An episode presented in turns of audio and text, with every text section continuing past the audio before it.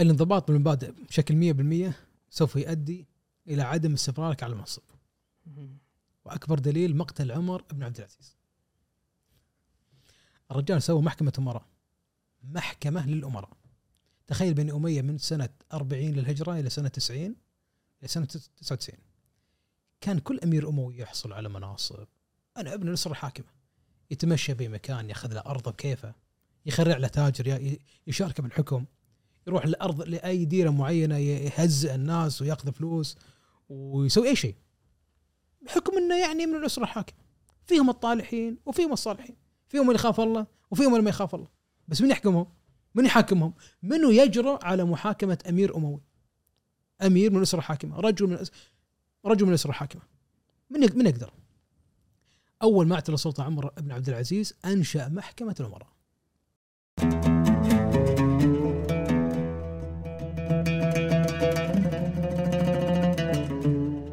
السلام عليكم. هذه الحلقة برعاية شركة حسابي. اليوم كان ضيفنا الدكتور جاسم الجزاء. الدكتور تكلم عن التاريخ الإسلامي وأساليب الإدارة الإسلامية اللي كانت موجودة فيه وطرح أمثلة بأن شلون ممكن يكون شكل الإدارة الإسلامية في الدول المعاصرة. أتمنى تستمتعون بهذه الحلقة. أه وشيء مشكور على ييتك دكتور. الله يسلمك. ما قصرت. أنا سعيد بهالدعوة. الله يسلمك. مشكور مشكور. إحنا اللي سعداء والله. أه أنا كنت مع الشباب توه وايد منهم صراحة شافوا آه، يعني حلقاتك السابقة ف إيه، كان طلبهم إن شاء الله إنك تلبيه قالوا الدكتور شوية ما آه، ما خاض وايد بتفاصيل آه، طريقة الإدارة قبل الإسلام الجزيرة العربية. صحيح. فهذا كان طلب قلت لهم حاضر أكلم الدكتور وإن شاء الله وإن شاء الله إنه يستجيب. ف خل أقول لك أنا سؤال اللي طرى على بالي. يعني إحنا اليوم نتكلم الجزيره العربيه قبل الإسلام. أه كانت في بلاد الروم بلاد الفرس أيوه. بس ال ال ال كدولة عربية ما كان في كيان واضح. صح. كان في تشتت. صح. شن ليش طول هالفترة هذه ما كان في دولة عربية موحدة إلى الين قدوم الاسلام يعني ممكن آه، أول شيء أنا أشكرك أخوي محمد على هذه الدعوة وأتمنى يكون هذا اللقاء يعني لقاء مثمر إن شاء الله. بس تقرب أه المايك على اذنك دكتور. كذي okay؟ تمام؟ اي تمام أتوقع كذي okay. تمام تمام, okay. تمام. آه العرب آه، في الجاهلية طبعا العرب دائما لما ترجع أي كتاب بالتاريخ راح يتكلم عن قضية أصل العرب ومبت العرب، العرب إما يكون عرب بائدة أو عرب باقية، العرب البائدة هم قبائل من العرب ليسوا موجودين الآن خلاص انتفوا مثل قبيلة طسم والعماليق هؤلاء كانوا من القبائل القديمة جدا جدا. يعني نقول مثلا أكثر من 2000 3000 4000 5000 سنة. هذه قبائل عربية خلاص اندثرت. طسم وكذلك ثمود وعاد الذين أهلكهم الله آه، هلاك كبير جدا. يتبقى بعد ذلك العرب الباقية. العرب الباقية لها أكبر تفريعين. يعني حتى في كتاب تمهيد ابن عبد البر تكلم فيها أن أجمع المؤرخون على أن العرب إما عرب مستعربة وعرب آه، عاربة. العرب العاربة هم العرب الذين بقوا في اليمن. والمستعربة هم الذي أتوا من نسل سيدنا إسماعيل سيدنا إسماعيل ابن سيدنا إبراهيم. إبراهيم لم يكن عربيا عندما أتى من العراق هو رجل من العراق من من قرية آر. وهذه القرية عندما هاجر إلى بلاد الحجاز وترك آه، سيدنا إسماعيل هناك تزوج من جرهم. جرهم قبيلة عربية من العرب ال- ال- ال- اللي هي العرب العاربة. فتزوج وأصبح نسله مستعربين مستعربين. ولذلك هذا أكبر دليل وهذا كلام خطير جدا. هل العربية هي النسب أم العربية اللسان؟ فلذلك هناك قول مأثور إنما العربية اللسان. ولذلك نقول كل الجهود التي أقيمت في الحضارة الإسلامية كل الذين يتكلمون باللغة العربية هي جهود عربية. يعني لو يأتي مثلا عالم أذربيجاني عالم فارسي عالم أوزبكي عالم صيني عالم كذا تعلم اللغة العربية وأثمر في النتاج الإسلامي الع... الإسلامي ال- الكلي يعتبر عالم من علماء العرب مع أنه ليس عربي لأن العربية هي اللسان. هذا عند بعض بعض المفكرين الذي يرى أن العربية أوسع وأكبر من قضية النسب. فلذلك انتشر انتشرت هذه القبائل قبائل اللي هي أتت من نسل سيدنا آه، إسماعيل القبائل المستعربة وانتشرت في جزيرة العرب في الوسط. أما العرب العاربة الموجودين في اليمن بعد انهيار سد مأرب هناك مثل ما نقول يعني أتى ما يسمى بقحطان وعدنان. عدنان من نسل إسماعيل مستعرب وقحطان من نسل يعرب من يشجب وكذا. آه، وعفوا هذا العكس يعني. آه، ذريه قحطان كانوا موجودين في اليمن وهم عرب عاربة. بعد انهيار سد مأرب صار هناك تعارك بين ابناء أبناء حمير وكهلان وكذا يعني أبناء عمومة. فحصل مجموعة من الهجرات كونت مجموعة من الممالك العربية. يعني معنى عفوا هذه الهجرات يعني من اليمن طلعت؟ طلعت من اليمن نعم. ذهب الازد وكونوا مملكة الازد الموجودة في عمان. مملكة حكمت ويعني قبائل حكمت منطقة عمان. المناذرة ذهبوا يحكموا العراق. الغساسنة حكموا بلاد الشام. طبعا مو بلاد الشام هي جزء من الشام بسيط. م. تحت راية الإمبراطورية البيزنطية. والمناذرة تحت راية الإمبراطورية ال- ال- ال- الفارسية ولذلك تكلمت عن قضية السيادة. ما كان عندهم سيادة مستقلة. يعني كانوا يأتمرون بأمر الفرس أو لا يأتمرون بأمر من؟ بأمر ال- ال- الروم. آه عفوا مرة ثانية تعطيني الترتيب. العرب المستعربة كانوا يؤمرون من قبل الفرس والفرس يؤمرون من الروم.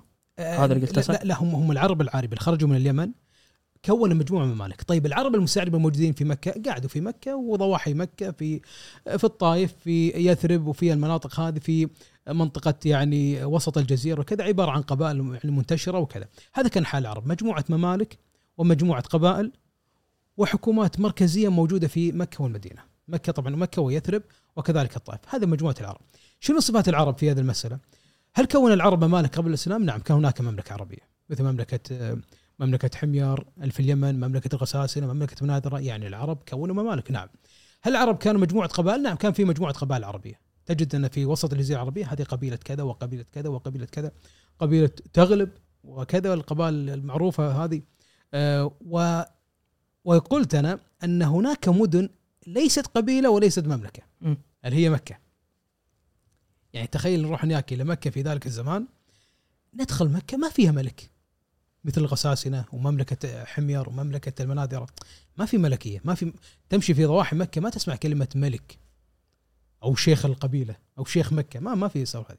تجد كلمة سيد سيد مكة. معنى سيد مكة أن كل البطون اللي كانت موجودة من أبناء قريش الموجودين في آه، في مكة هم يعني تكاتفوا لإنشاء حكومة حكومة مجتمعة ويكون القرار يعني الناطق الرسمي رجل معين وهو قصي بن كلاب. يكون ناطق رسمي. ولذلك يعتبر تعتبر مكة متطورة عن النظام الملكي والنظام القبائلي والنظام العشائري القبلي. وهذا عفوا النظام كان موجود في مكة فقط؟ ك- كان موجود في مكة على اعتقادي كان موجود في مكة. يعني كان حيل بارز في مكة. ليش؟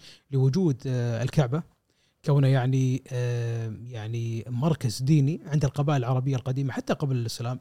كانوا يعظمون البيت كانوا يعظمون كان كان تعظيم العرب لقريش لأنها كانت يعني ترعى يعني شؤون ال- ال- الحج وترعى شؤون ال- ال- الكعبة ومراسم الحج وكذا. هل تسألني تقول هل كان في حج قبل؟ نعم كانوا يحجون. كانوا يحجون ويعظمون البيت ويذبحون وكذا لكن بطريقة شركية. جاء الإسلام نظف هذه الشوائب الشركية وجعلها خالصة لوجه الله، حتى الكعبة نظفت من كثير من الأصنام عند فتح مكة. وذلك أنا أقول وأكثر من مرة قلت أن الإسلام كأنه لم ينزل على نظام قبلي. يعني التشريع الإسلامي مع النظام القبلي ما نزل في نظام قبلي ولم ينزل في نظام ملكي، نزل في نظام حكومة تشاورية. حكومة مثلا ممكن نقول ديمقراطية.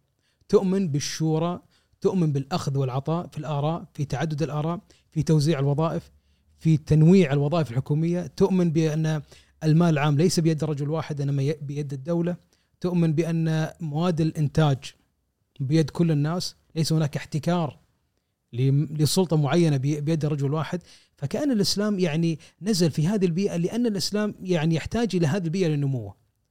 البيئة التشاورية، بيئة الشورى، فلذلك نقول هل الشورى هل يعني هل الرسول صلى الله عليه وسلم عندما أتى بالشورى، هل كان هناك جذور لهذه الشورى؟ نعم، كانوا هناك يعني حلف الفضول أتى رجل دخل على مكة قال أنتم ناس ظلمتوني وكذا، سمع فيها مجموعة من اسياد من اسياد مكة واجتمعوا في سووا يعني مجموعة من التحالفات من أجل نصرة أي رجل مظلوم لديه مجموعة من ال- المشاكل في مكة. هذا يعتبر أمر يعني متطور جدا عن الممالك، أنا بالنسبة لي أنا أرى أن الحكومة التي كانت في مكة قبل الإسلام كانت جدا متطورة وكان كأنها تستقطب الدين الجديد وهو دين الإسلام الذي ينص على قضية التشريع المبني على قضية الشورى. ولذلك يعني آه، ما ما في بالإسلام قضية يعني أنا أكلمك عن خلاف الراشدة أكلمك عن بعد ذلك يعني. ما كان في الإسلام قضية الوراثه يقول واستخلف الاصحاب كي لا يدعي من بعد أحمد بالنبوة ثاني. قضية الوراثة مش موجودة. لكنها حصلت في في مرحلة متأخرة. ف فالدول الإسلامية دخلت في موضوع الوراثة مرغمة ومجبرة ونتيجة مقاتل ونتيجة يعني أمور كثيرة. طبعا قلنا إن أول من دخل بالوراثة هي قضية يعني أول ما دخلها هي هم بنو أمية. عفوا هذا أمر يعني بس عفوا جيد أنا ب... لأن أنت مساء قاعد تتكلم على ال... ال... الشكل الاستثناء اللي موجود في مكة نعم صح ساعد في آه، تحديد شكل الإسلام على الأقل في في في عصر الخلافة. نعم. بس أنا أبني أبي أبني تصور معك عشان أفهم. لنفرض هذا ال- هذا الدين نزل على آه، بلاد فارس حيث كان هناك ملك بس تصورك أنت ش- هل يعني هل أنت اللي الفرضية اللي قاعد تحطها بان لو نزل على مملكة فطبيعي راح يكون هذا الملك يفرض بأن أنا هذا نزل علي أنا كملك فلازم نعم. ولدي هو يرث هذا الإرث اللي أنا خذيته. نعم. هذا التصور اللي قاعد تحطه؟ يعني أعطيك مثال بسيط يعني بنو العباس عندما حكموا آه، أتوا بنظرية تسمى نظرية الحق الالهي في الحكم وكان بنو العباس يعني يعطون إشارات للناس في بغداد وفي العراق وكذا أننا نحكم باسم الله وباسم الرب ونحن يعني ممثلون للسلطة الإلهية على هذه الأرض والخليفة سلطان الآ- سلطان الله على الأرض هذا النفس والبعد وحتى البرده اللي كانوا يلبسونها كانوا يلبسون بردة النبي عباءة النبي نوع من البعد الديني في هذا المسألة يعني كأن الأمر حقيقه في حين الرسول صلى الله عليه وسلم لم يعين حسب وجهة النظر أهل السنة والجماعة الأكثرية من المسلمين لم يعين نصا أن يكون ال- ال- الخليفة القادم هو من نفس الأسرة الحاكمة. لماذا؟ لأن قضية الأسرة الحاكمة تحدد في مجموعة من الخيارات يعني آه، يكون ال- ال- الحكم تبع أسرة معينة ونحن نقول يعني ال- الأسرة الحاكمة فيها بعض الإيجابيات وفيها بعض السلبيات، من السلبيات أنه إذا لم يكن في الأسرة رجل مرشح للحكم بشكل جيد ما بقي إلا يعني عفوا مع احترام الشديد إلا الناس البسطاء الذين لا يملكون أدنى أدوات التفكير السياسي وفي الحكم. شو الحل؟ تبقى الأسرة تحكم؟ شوف بنو العباس وبنو اميه لما أصروا على قضية حكم الأسرة الواحدة أصبح القتال بينهم. لما لكن لما ينتقل من من من رجل إلى رجل آخر طبعا ينتقل من الاكفى الاكفى حتى مرة قلت في أحد المحاضرات قلت لا بأس بالنظام الوراثي لكن بشرط أن يأتي برجال أك يعني كفؤين. هذا النطق اللغة العربية الاصح أصح من كلمة كفاء. واحد من الدكاترة. نبهني. كفؤين؟ كفؤين مش كفاء. آه الله يذكر بالخير دكتور سالم.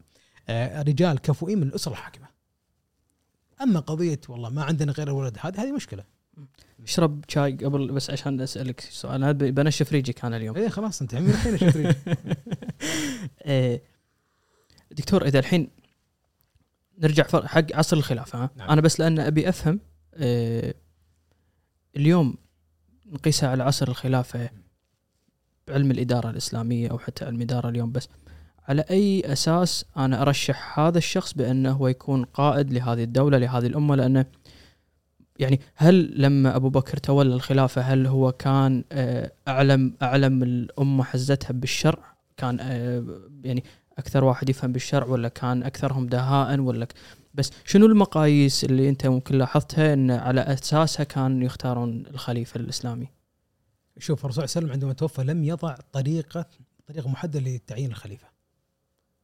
تركها على البيضاء. البيضاء يعني أنتم أعلم في شؤون دنياكم. هناك عدة آراء. منهم من يقول أن أبو بكر عين بالنص لإشارات خفية من الرسول صلى الله عليه وسلم. الرسول صلى الله عليه وسلم أتت واحدة يعني عجوز. قالت يا رسول الله إن لم إن أتيتك في عام قابل ولم أجدك يعني إذا توفيت يعني أروح لمنو؟ قال اذهبي إلى أبي بكر. آه، في حديث الرسول صلى الله عليه وسلم يقول كل رددنا له منته إلا منة أبو بكر. بس أبو بكر- المايك دكتور عفوا أنا نعم. ب- بأذيك. مايك. خليك عنده اي إي نعم. فكان دائما الثناءات المتكررة. طبعا الرسول صلى الله عليه وسلم يثني على كل الصحابة. سيدنا عمر سيدنا علي سيدنا عثمان كل السادة من الصحابة الأجلاء كلهم لهم ثناء. لكن يقولون بعض العلماء أن هناك إشارات آه وجهت لأبو بكر الصديق أنه خليفة القادم. هذه اشارات طيب. هذا هذا وجهة نظر أحد ال- الآراء. الرأي الثاني يقول أن هي قضية يعني وجود آه المصلحة والقوة في هذه المسألة. بمعنى يعني لما صارت سقيفه بني ساعدة آه، احتج الأنصار. يعني لو, لو أنا قاعد أقول لو الأنصار عندهم هذا النص واضح أن ليس هناك خليفة إلا أبو بكر ما تجربوا على قضية الاجتماع. خلاص محسومة. هي لم تحسم. فلذلك اجتمعوا وقالوا نحن الأغلبية ونحن سكان البلد يجب أن يكون الحكم مننا. عفوا هني لما كان النزاع بين قريش والأنصار؟ كان نزاع مش ما نقول نزاع يعني صار خلاف بينهم خلاف. بعد وفاه الرسول صلى الله عليه وسلم اجتمع الأنصار الانصار هم الأوس والخزرج الذين أسلموا في عهد الرسول صلى الله عليه وسلم ودخلوا الإسلام وأصبحوا يس- يسمون بالأنصار هم الأكثرية هم سكان يثرب. هم سكان اللي أصبحت بعد ذلك اسم المدينة المنورة. آه، هم الأكثرية والمهاجرين أقلية صح ولا لا؟ صح. فقالوا يعني مو معقولة يعني بعد وفاة الرسول صلى الله عليه وسلم يكون الحكم للمهاجرين. طيب إحنا أهل البلد. وتعتبر يعني نادرة في التاريخ أن يعني أن يكون هناك نوع من التسامح والرضا أن أن يرضى أغلبية بلد بحكم مهاجرين. غرباء. يعني حكموا. لذلك هناك أمور أرغمتهم على الموافقة. يعني منها نقول بعضهم يقول أن أن عمر الخطاب ذكرهم في قضية فضل أبو بكر الصديق في الدين. أيكم ترضى نفسه أن يتقدم أبو بكر؟ وأنتم تعلمون الرسول صلى الله عليه وسلم قدمه في كذا كذا كذا. هذا يناسب أصحاب الرأي الديني السبب الديني في هذه المسألة. يقول فعلا أبو بكر يعني وصي به عن طريق صلى الله عليه وسلم إما تصريحا أو تلميحا في هذا الاراء في آراء ثانية تقول لا هم وافقوا الأنصار على بيعة أبو بكر الصديق عندما قالوا أن ممكن أبو بكر الصديق يعني هو من قريش وقال لهم هذه الكلمة ألا تعلمون أن هذا الأمر أن الرسول صلى الله عليه وسلم قال لا يكون هذا الأمر أي معنى أمر الخلافة وحكم المسلمين إلا لهذا الحي من قريش. يعني خصص بقريش، لم يحدد نفسه، ما قال أنا قال الرسول صلى الله عليه وسلم ذكر قريش. ليش ذكر قريش الرسول صلى الله عليه وسلم؟ أنا أتوقع والله أعلم حسب تفاسير بعض المؤرخين يقولون لمكانة قريش قبل الإسلام حافظة البيت آه عليها نوعا ما من الإجماع التاريخي، الإجماع العرفي، الإجماع ال- ال- ال- ال- ال- العقدي على سلطة قريش ولها مهابة في قلوب الناس ولها مكانة فقالوا قريش أفضل من غيرهم. يعني آه، يحكمنا قريش ولا يحكمنا غيرهم. لأن تعودنا أن قريش خصهم الله بخدمة البيت الحرام. قبل الإسلام وبعد الإسلام ماشي ومنهم النبي وهم أولى الناس بالنبي فقالوا ما دام أنها ان من قريش فاجعلوا هذا أمر من قريش. أنا أشبهها بشنو؟ آه، أشبهها لما يكون هناك في توافقات في إنسان عليه توافق. توافق. لديه مجموعة من المهارات أدنى من المهارات يعني مهارات عادية أو مهارات جيدة لكن عليه توافق من العام وأتينا برجل ليس عليه توافق لكن يمتلك مهارات عالية. لما لما يخوضون انتخابات في جماعة واحدة تجد أن أكثر ناس يروحون لم- لمن؟ ليس لصاحب المهارات إنما لصاحب التوافق العام. يعني في تو- في في في إجماع عند العرب في ذلك الزمان على أفضلية قريش. مش الأفضلية أنك أنت أحسن مني غصبا عني لا. أنت أحسن مني لظروف تاريخية بعيدة. أنتم يعني من نسل إسماعيل النبي أنتم آه، يعني آه، ظهر منكم الرسول صلى الله عليه وسلم أنتم يعني رعاة البيت الحرام وكذا فصار في توافقات. فلما يقدم القرشي كل العرب ترضى. كل العرب كان هناك نوعا ما آه، من الرضا يعني العام. فقالوا يعني نقدم القرشيين ولا نقدم أنفسنا. يعني لعلهم بايعوه لهذا لهذا الأمر. آه، وقيل بأنها يعني كما قال عمر الخطاب أنه صار هناك لغط في نهاية الجلسة فقال عمر الخطاب يا أبو بكر ابسط يدك وبايعك فلما بايع خلاص حسب المسألة. حتى عمر الخطاب قال والله لقد كان يوم السقيفة فلتة يعني يعني أعاذنا الله منها يعني إن مرات يعني تحتاج إلى حسم الأمر يعني تحتاج اتخاذ قرار. وذلك عندنا في علم الإدارة أن في بعض القرارات تكون فيها الاختيار بين ألف وباء صعب جدا. آه، هذا يعني تميل ألف وتميل الباء يحتاج إلى نوع من الحسم. فأحسم الموضوع خلاص ينتهي الموضوع. فلذلك حسمت موضوع ال- ال- السقيفة. وبعد السقيفة إحنا نقيم الرجال على قضية الأدوات وعلى قضية الأداء. شنو أداء أبو بكر؟ أداء جيد. يعني كلامي أنا لأن أنا رجل سني إسلامي. أقرأ المستشرقين ماذا قالوا في سياسة أبو بكر الصديق وعمر وعثمان وعلي أنهم كانوا على طريق السياسة الشرعية النبوية. بمعنى نفس التوجه نفس التوجه السياسي النبوي. لم يفرق. لا سيدنا علي ولا سيدنا أبو بكر ولا سيدنا عمر ولا سيدنا عثمان. كلهم على نفس البوتقة. لكن بعد ذلك لا أختلف. أختلف الأمر كثيرا يعني. بس عفوا دكتور أنت شدتنا حق حديث. هو شنو المعايير اللي أنت تقدر تقيم فيها ملك قائد خليفة ايا كان يرجع تاريخه إلى 1000 أو 1400 سنة. يعني إحنا اليوم نتكلم على حكام معاصرين. نعم قد صح. نختلف أنا وياك إن هذا حاكم زين أو هذا حاكم سيء. صحيح. ف ك... لما يجي شخص باحث مؤرخ آه، شلون يبحث ويتأكد إن أنا قاعد أحطه بالمعيار الصحيح؟ وأنا وأنا أدري إن أنت عندك آه، مقولة أنا ما أدري وين سمعتها إن الناس تحب تحط بقالب يا أن هذا شخص زين يا هذا شخص عشان. تريح نفسها إيه. شوف هاي سبحان الله أنا دائما أقولها كثير من الناس عندهم كسل في قضية الحكم يبي يرتاح يقول فلان شلونه زين ولا مو زين آه الاسم الكريم عبد العزيز راح أسألك محمد عبد العزيز زين ولا مو زين؟ تقول عبد العزيز يعني شوف مو زين. آه، انت على طول ها، عندك ما له داعي على طول. انت قمعته من الحين. لا, ها خلاص العشاء آه، مثلا تقول عبد العزيز زين آه، بالشغلة الفلانية بس إنه مقصر بالشغلة الفلانية وكذا. أقول لا لا زين ولا شين ريحني يا أبيض يا أسود. في ناس ترى كذي عايشين. هم الناس يعني مع احترام شديد. ما يعتقدون يعني ما يفكرون إن البشر هم عبارة عن موجب وسالب في جسد واحد. ما في إنسان عنده الكمال كامل. يعني كل إنسان كل شخصية تاريخية كل شخصية فكرية كل شخصية ثقافية كل شخصية إعلامية كل شخصية رياضية لديه من الموجب والسالب لديه حسنات وسيئات لديه إيجابيات ولديه سلبيات في ناس عندهم دائما حكم ولذلك حتى بالتعاطي التاريخي يقول إيش رأيك بالدولة الامويه؟ إيش رأيك بالدولة العباسية؟ طيب شو أقول لك يعني زين ولا زين؟ أي قل لي زين ولا زين؟ ما أقدر أقول لك يعني واحد يقول إيش رأيك بصلاح الدين الأيوبي؟ يعني زين بس عند... لا خلاص زين زين طيب عنده بعض الأخطاء السياسية البسيطة لا لا خلاص زين إيش رأيك بحجاج يونس الثقفي؟ والله مو زين لكن عنده لا خلاص قل لي بس مو زين. ما أقدر أقول لك زين ولا مو زين. آه، الحجاج شلونه في قضية مثلا الفتوحات العسكرية جيد. رأ- شلون الحجاج في قضية ضبط الأمن؟ هو جيد. شلون الحجاج في قضية مثلا آه، التعامل مع آه، الحاد مع المخالفين الإسلاميين؟ أقول لا والله كان شوي يعني جريء في قضية الدماء. يعني كذي من الكلام هذا. فلذلك الحكم دائما نقول الذي يتعاطى التاريخ شوف عشان تعرف إن الإنسان يعني ساذج تاريخيا ولا غير ساذج اللي يعطي أحكام عامة.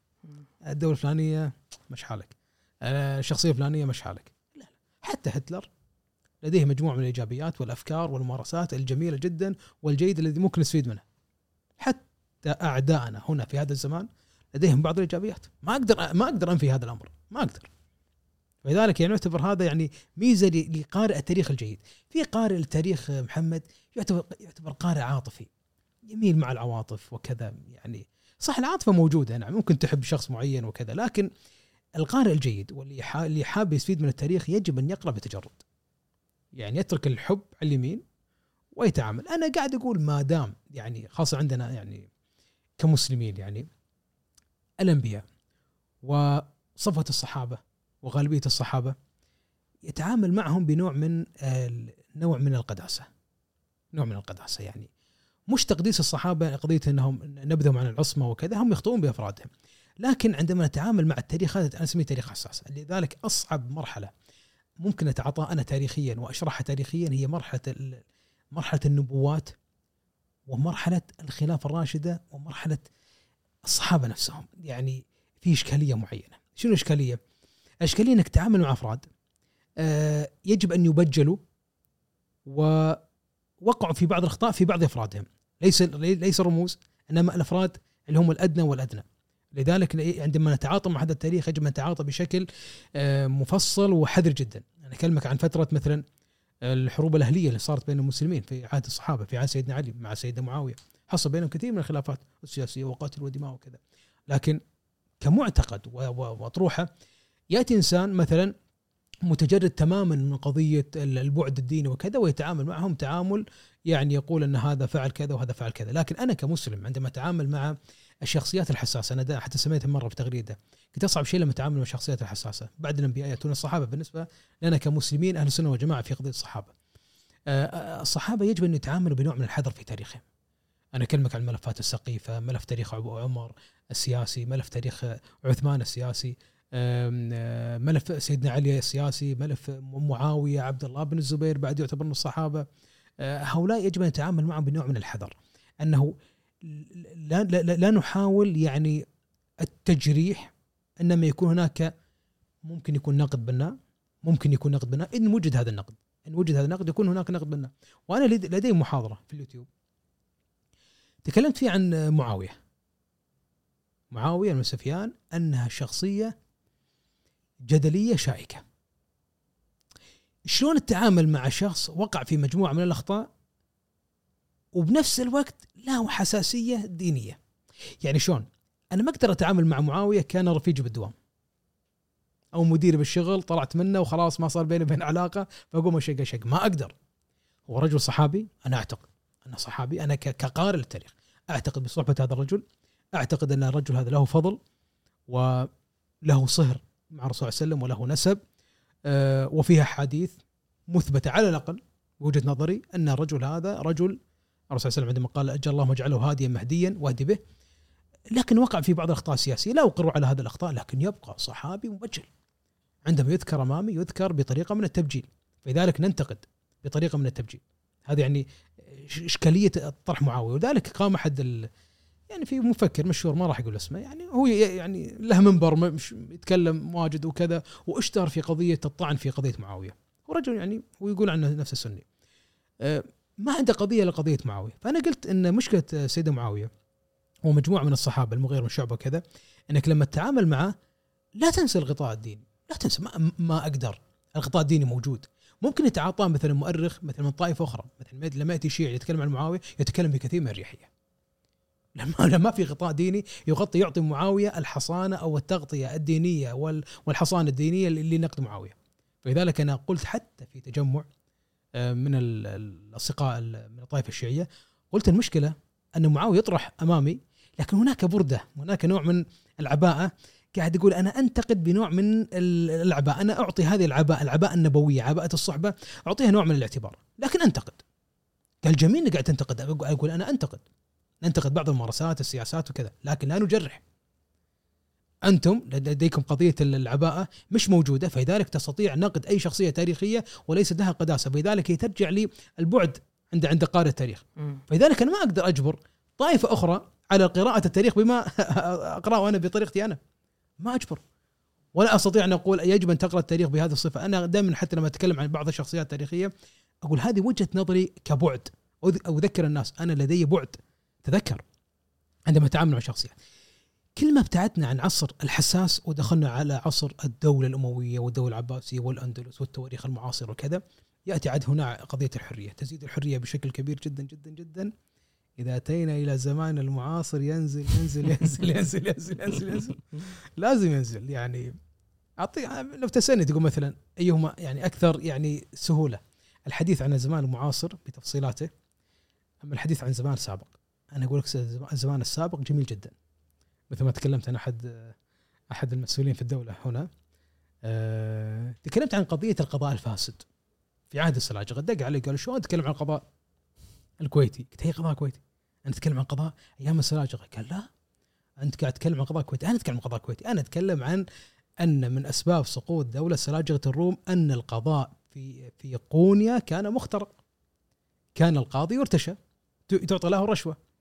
فهو فسرها تفسير آخر ودخلني مدخول آخر. لذلك أقول أن في بعض الأمور تجعل المؤرخ مثل ما نقول بين قوسين يحك بريك أو يوقف. منها قضية انه ما يستطيع كثير من المؤرخين ترى ما يقدرون يتكلمون بأريحية عن العصور اللي هم عايشين فيها. فهذا يفسر ليش بعض المؤرخين القدامى ما كانوا ينتقدون السلطات المعاصرة.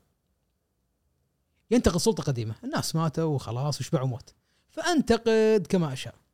لكن لما تطور شوي يعني مثلا لما لما لما يكون الوضع أتكلم عن أمور حالية ما أقدر أتكلم. وهذا واقع. شوف المؤرخين الحاليين ما يقدر يتكلم عن بعض السياسات الموجودة. أنت ما تغرد أي تغريدة الآن الآن عن وضع محلي الآن أو وضع عالمي. الآن تكتب بطريقة من الاحترافية القانونية.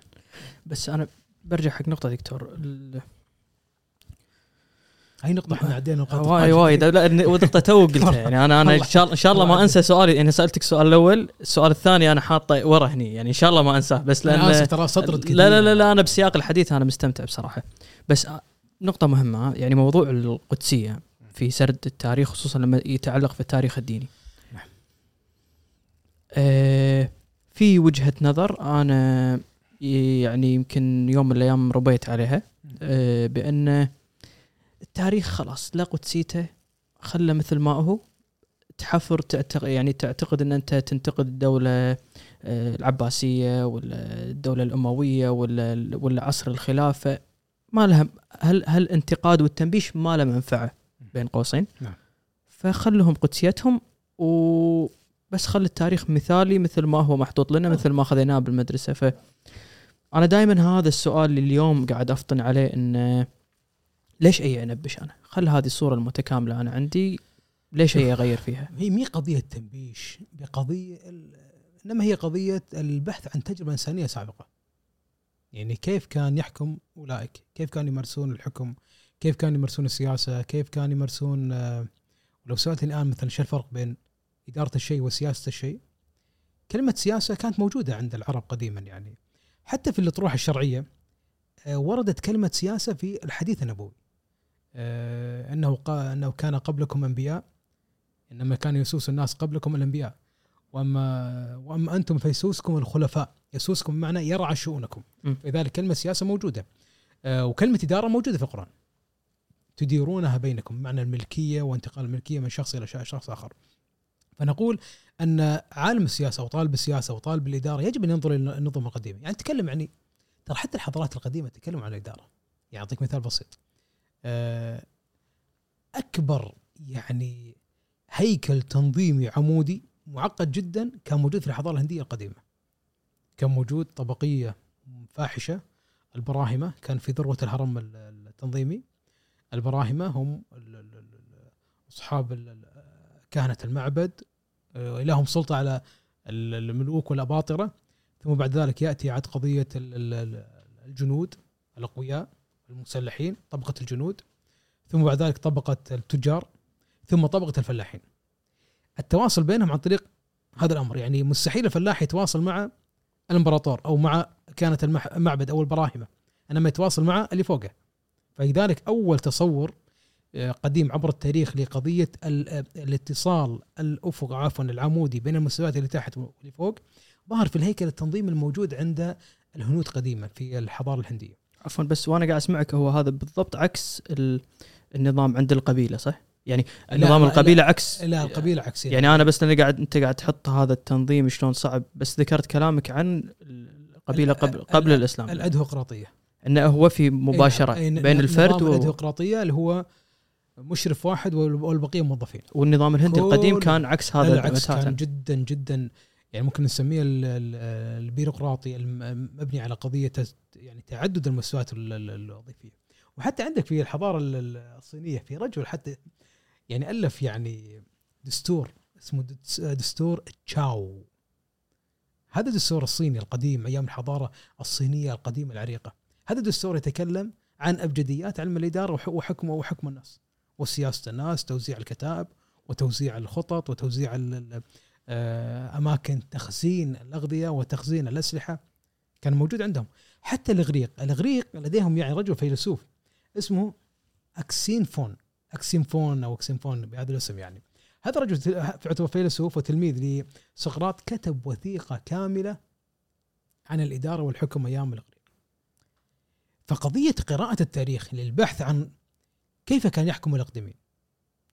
يعني من من أبرز الأنظمة اللي كان عندهم مركزية عالية جدا. مركزية عالية جدا الفراعنة. حتى أص يعني أبسط القرارات الإدارية يجب أن يرجع إلى فرعون الأكبر. يعني حال ال- المصريين دائما الرئيس يفهم كل حاجة. أيوه فلذلك عندهم المركزية العالية دائما أيام الفراعنة. فلذلك لما سألتني مساع ليش ننبش؟ إحنا ما ننبش. نحن نبحث عن التجارب الإنسانية في شتى المجالات، أنا ما أبحث في التاريخ الاجتماعي. لا مو تخصصي. أنا ابحث في التاريخ الإداري، تاريخ الممالك، طريقة الحكم، طريقة آه، السياسة، آه، أنظمة السياسة، في رجل شاعر يبحث في طبقات الشعر، في رجل أديب يبحث في طبقات الأدباء، في رجل طبيب يبحث في طبقات الطب أو كيف تطور الطب عند المسلمين الأوائل أو عند الحضارات القديمة الطب الاغريق أو طب الرومان أو طب اليونان أو الطب ال- ال- الفرعوني أو الطب البابلي وهذا الأمر. فلذلك قراءة التاريخ ليس تنبيش إنما بحث عن التجربة الإنسانية اللي بناء عليها أسوي له واقع وأبني مستقبل. طيب نرد الحين حق علم الإدارة. إيه سؤال المفروض انساله من عشر إيه. دقائق بس إيه معلش يعني. إيه اليوم في طريقة إدارة معينة إيه استحدثها الإسلام في الجزيرة العربية بعد نزوله على على مكة؟ طريقة إدارة معينة ولا شلون؟ يعني اليوم ما إذا تبي آه، فرض نعطي يعني- نعطي فكرة فرضا عن طريقة ال- طريقة هيكل الإدارة عند قريش وشلون ممكن غير الإسلام فيهم؟ شوف ال- الإدارة كحكم وممارسة هي يعني هي ممارسات قديمة قدم الانسان يعني لما يعني من أكبر الأخطاء يجيك واحد يقول والله آه تكلم عن التخطيط الإسلامي. شنو التخطيط الإسلامي؟ أو الرقابة الإسلامية أو مثلا آه، التوجيه الإسلامي أو التنسيق الإسلامي. شنو التنسيق؟ هذه وظائف إدارية بحتة. يعني مارسها الأقدمين والأولين والآخرين واللي بالنص كلها مارسوها يعني. هي ممارسات بشرية يستخدمها المسلم وغير المسلم. ولذلك ليس بهذا المفهوم ليس هناك إدارة إسلامية بهذا المفهوم. يعني الرسول صلى الله عليه وسلم هل كانوا يخطط؟ نعم. هل اليهود يخططون؟ نعم يخططون. كلهم يخططون. يعني معنى أن التخطيط هو عبارة عن مهارة. مهارة إنسانية عقلية يسوي أي إنسان. مم. يعني كما كما يقوم الرجل الفاضل بالتخطيط لمشروع فاضل يقوم الرجل الفاسد بالتخطيط لمشروع فاسد. هو التخطيط والتنظيم وتوزيع المهام والتنسيق والرقابة والتأكد من العملية والإجراءات. هذا أمور كلها بشرية يسويها أي إنسان. لكن عندما دخل الإسلام إلى منظومة الدولة الإسلام له له أمر جميل في قضية الحكم بالإضافة لهذه الأدوات الإدارية. أضاف اشياء منها قضية الأخلاق البعد الأخلاقي. البعد الأخلاقي في الإسلام كان بعد استثنائي. بمعنى أن في الإدارة الغربية وأنا ذكرتها في أكثر مرة لما تكلمت عن إيريك فروم واحد المنظرين الغربيين يقول مشكلة الإدارة الغربية أنها قائمة على قضية نبذ الأخلاق أو البعد عن قضية الأخلاقيات ومبنية على الرأسمالية المتوحشة الرأسمالية المبنية على المادية البحتة قضية المصلحة مصلحته هي الأولى والأخلاق بعيدة.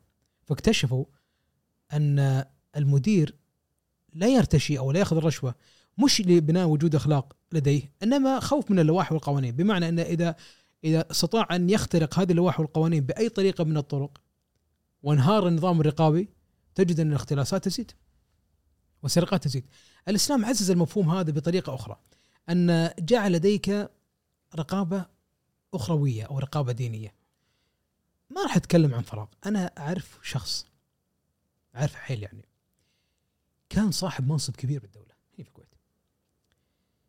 كان يقول والله يا جاسم قبل التقاعد قال والله يا جاسم كانت تعرض امامي الملايين. بس وقع. ما صغير تعرض أمام الملايين. بس يعني مش القرار هذا ويعني مناقصات معينة وكذي. قلت يا أبو فلان شنو يمنعك صدق يعني. هو صح ان إن الدين موجود وكذا رجل متدين وكذا. يقول ما منعني شيء إلا إلا البعد الديني. يعني ما حبيت أوكل عيالي حرام.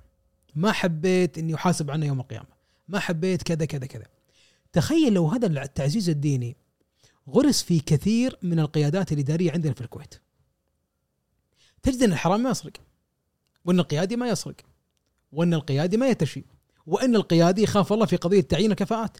ما يعين ولد عمه بوجود إنسان بعيد صاحب كفاءة ويعين يعين ولد عمه لأنه ولد عمه. يعني حتى في حديث نبوي من جعل على المسلمين رجلا وهو يرى غيره خيرا خير لهم منه فقد خان الله ورسوله. تخيل الحديث هذا لما ارويه بين القيادات الإدارية عندنا في الدولة. يسبب نوع من النزعه يعني مرة من المرات قدمت دورة. تخيل محمد. دورة إدارية لقطاع حكومي عندنا في الكويت. تكلمنا على مدى خمس أيام. آه الإدارة والتنظيم والتطوير الإداري والسبل وكذا. تعبت. وأنا اسولف زين. آخر يوم قالوا يعني نبي كلمة أخيرة وكذي. قلت والله بقول لكم شغله كل الكلام اللي قلناه على مدى خمس سنوات ما راح يثمر شيء إذا كانت ضمائركم خربة من الداخل.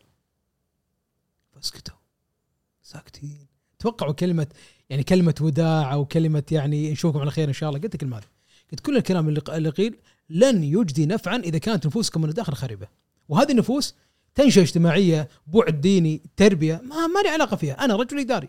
أعطيك أدوات إدارية كيف تحكم إدارة معينة بشكل جيد.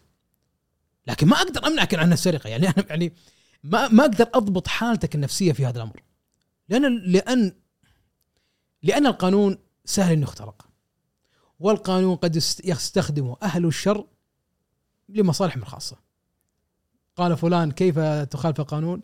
قال أنا لا أخالف القانون بل القانون وضع لمصلحتي أنا. فلذلك يعني دائما يقول الأنظمة الغير جيدة الغير كفؤة. ما راح أقول أنظمة فاسدة أو انظمه كذا. النظام غير جيد النظام غير رشيد يستخدم القانون لمصالحه وهناك نظرية عند أظن حتى عند علماء الشرعية المعاصرين اسمها نظرية التعسف في استخدام السلطة. فيها رسالة دكتوراه ماجستير التعسف في استخدام السلطة. هل يجوز التعسف؟ أنا لي سلطة لكن هناك تعسف فيها. ندري أنك قاعد تمارس القانون لكن قاعد تمارسه بنفس في نوع من التعسف. أنت مو قاعد تطبق القانون أنت قاعد تتعسف فيه. مثل ما قلت قبل لا نبلش لما سألت عبد العزيز لما قلت هل يملك مثلا مدير إدارة يمنع الإجازة؟ قال لي يملك يمنع طلب إجازة ولا طلب ترقية وكذا بناء على القانون. وممكن يمنع بناء على القانون لكن في هناك نفس انه يعني إني أنا ما بيك تترقى أو ما بيك تأخذ الجائزه وكذا يعني. فلذلك الإدارة الإسلامية أتت لتعزيز مفهوم الدين مفهوم الأخلاقيات. أين نحن من الأخلاقيات يا محمد؟ مصيبة. فلذلك أنا من الشغلات اللي دائما أطرحها في دوراتي آه، آه، الجرعات الأخلاقية الأخلاقية الجرعات كذا حتى مو قضيه بس الاسلام حتى الديانات الأخرى وضعوا هذه الجرعات. في كتاب القيادة البوذية كذي قاعد المدير حط حاصين المدير كذي كرشه كذي وقاعد وحاط الحركة هذه مثل البوذا كتب القيادة البوذية يتكلم عن أحكام بوذا في الإدارة. لا تكذب لا تسرق لا تغش الناس. هناك كتب تكلمت Lead Like Jesus قد كالمسيح عليه السلام.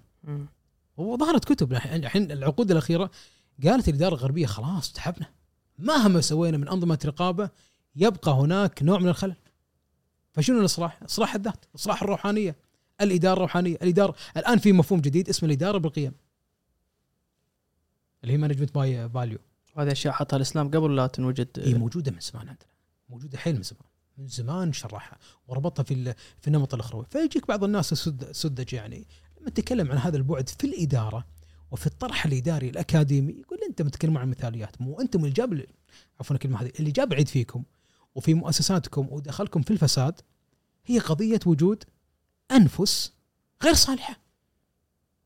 يعني ما يفعل اللص في بيت الخرب، يعني حتى يعني آه، عمر الخطاب لما كان يريد أن يعين أحدهم قال هل تعتقدون أنني إذا اجتهدت في معرفة الرجال يعني مثلا عمر الخطاب لما كان يريد أن يشكل حكومة يبحث عن رجل رجل يسأل عنه مرة مرتين وثلاث شلونه من رجال؟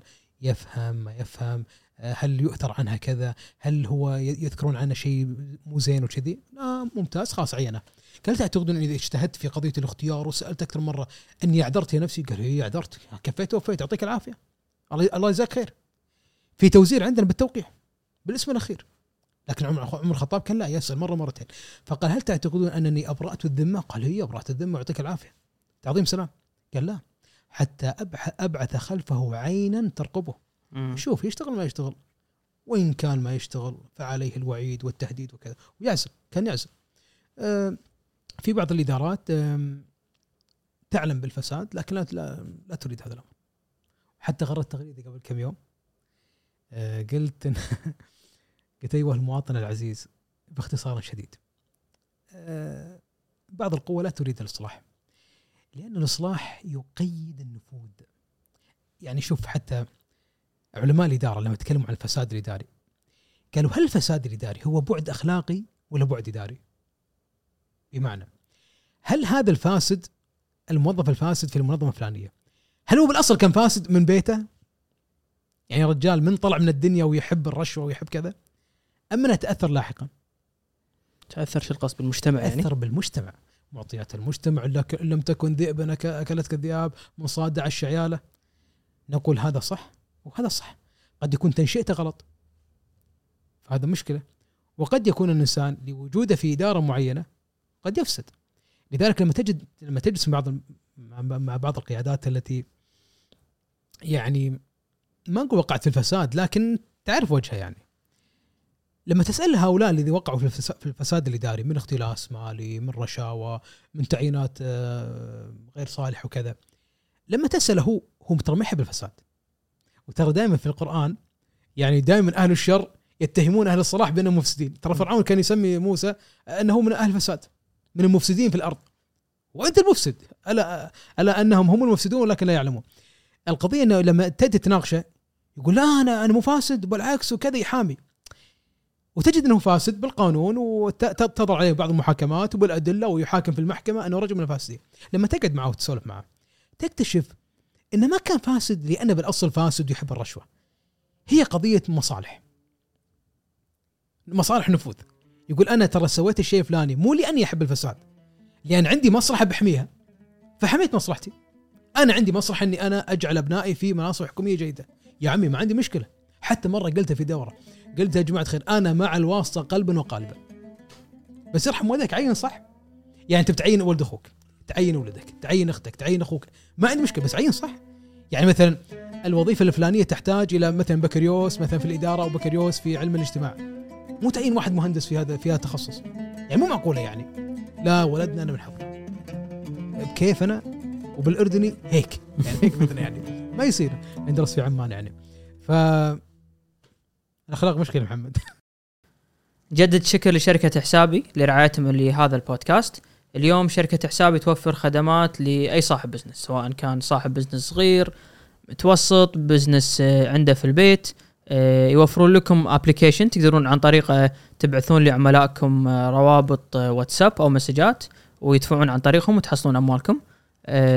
وأي أحد حاب إنه يعرف أي معلومات زيادة أو يتواصل معاهم معلومات موجودة في ال description تحت تو سولفنا بشكل جدا بسيط عن آه إنه شلون ممكن الإنسان يتأثر ببيئته نعم. صح ولا لا؟ إن قلنا بأن الشخص قد يكون هو شخص صالح ولكن آه البيئة اللي حواليه تجذبه بأنه هو يكون شخص غير صالح.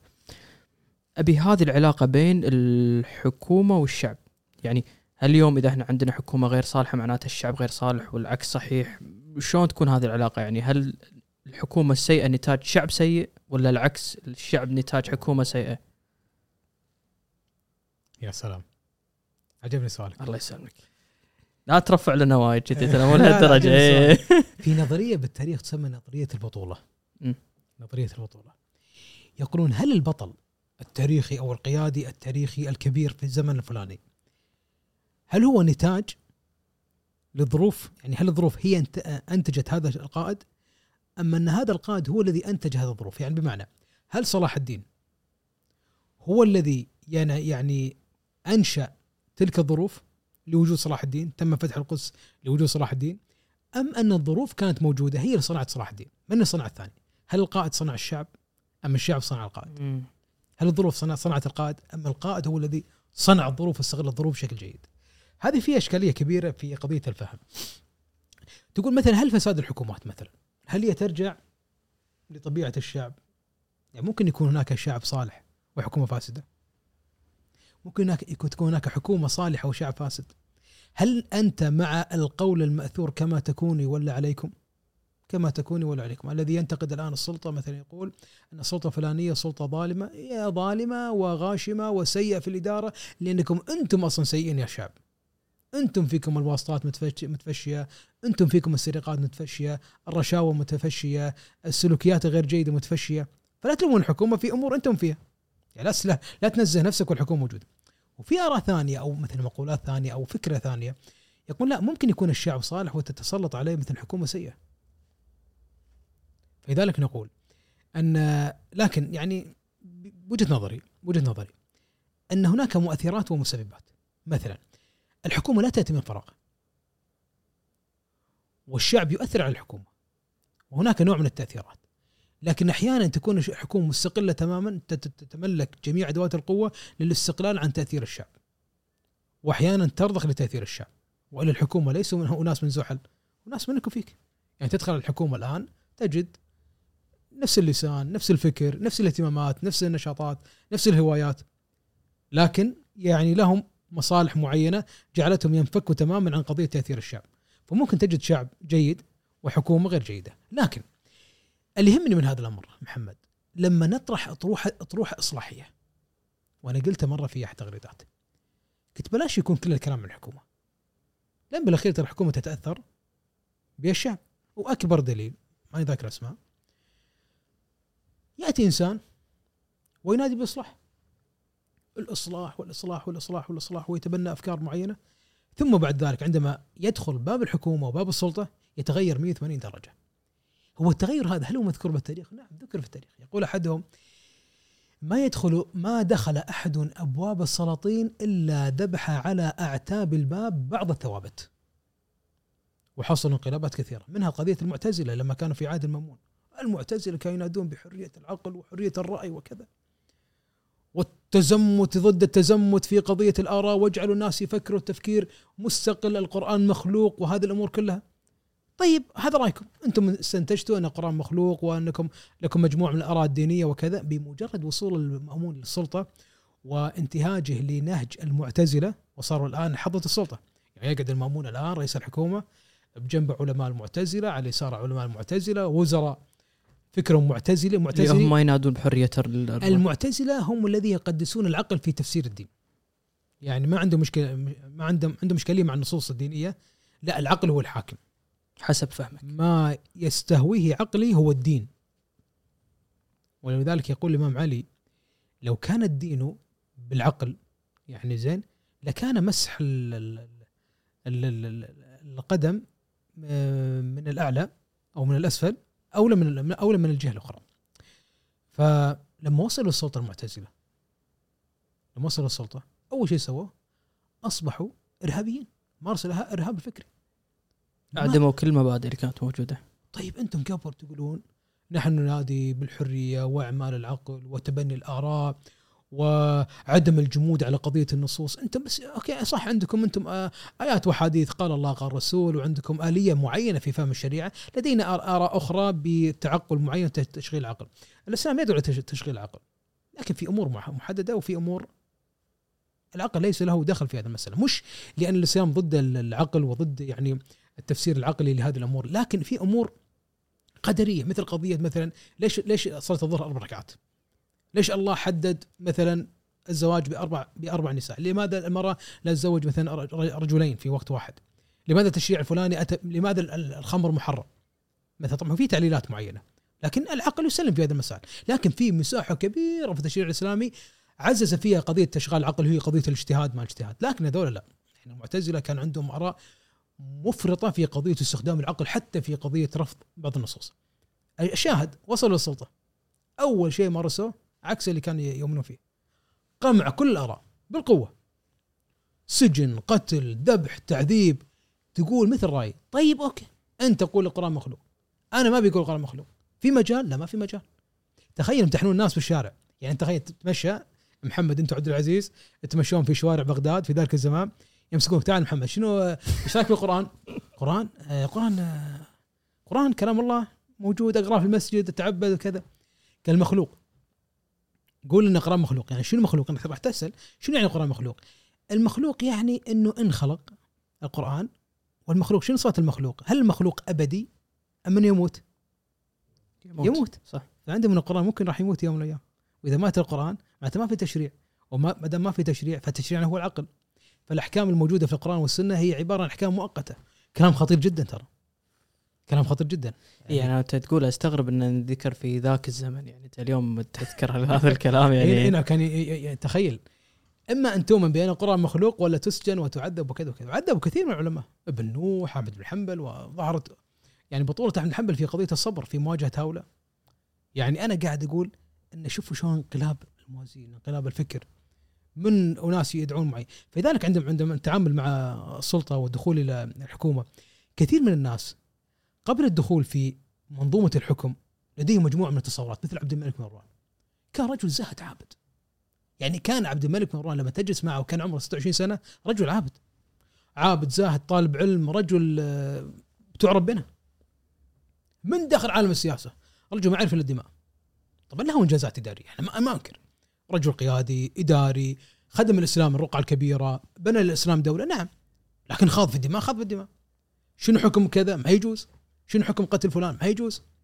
شنو حكم القتال الحروب الأهلية؟ كلها طبعا ما يجوز. يعني مثل ال- اللي هو الأوزاعي أحد علماء أهل السنة والجماعة.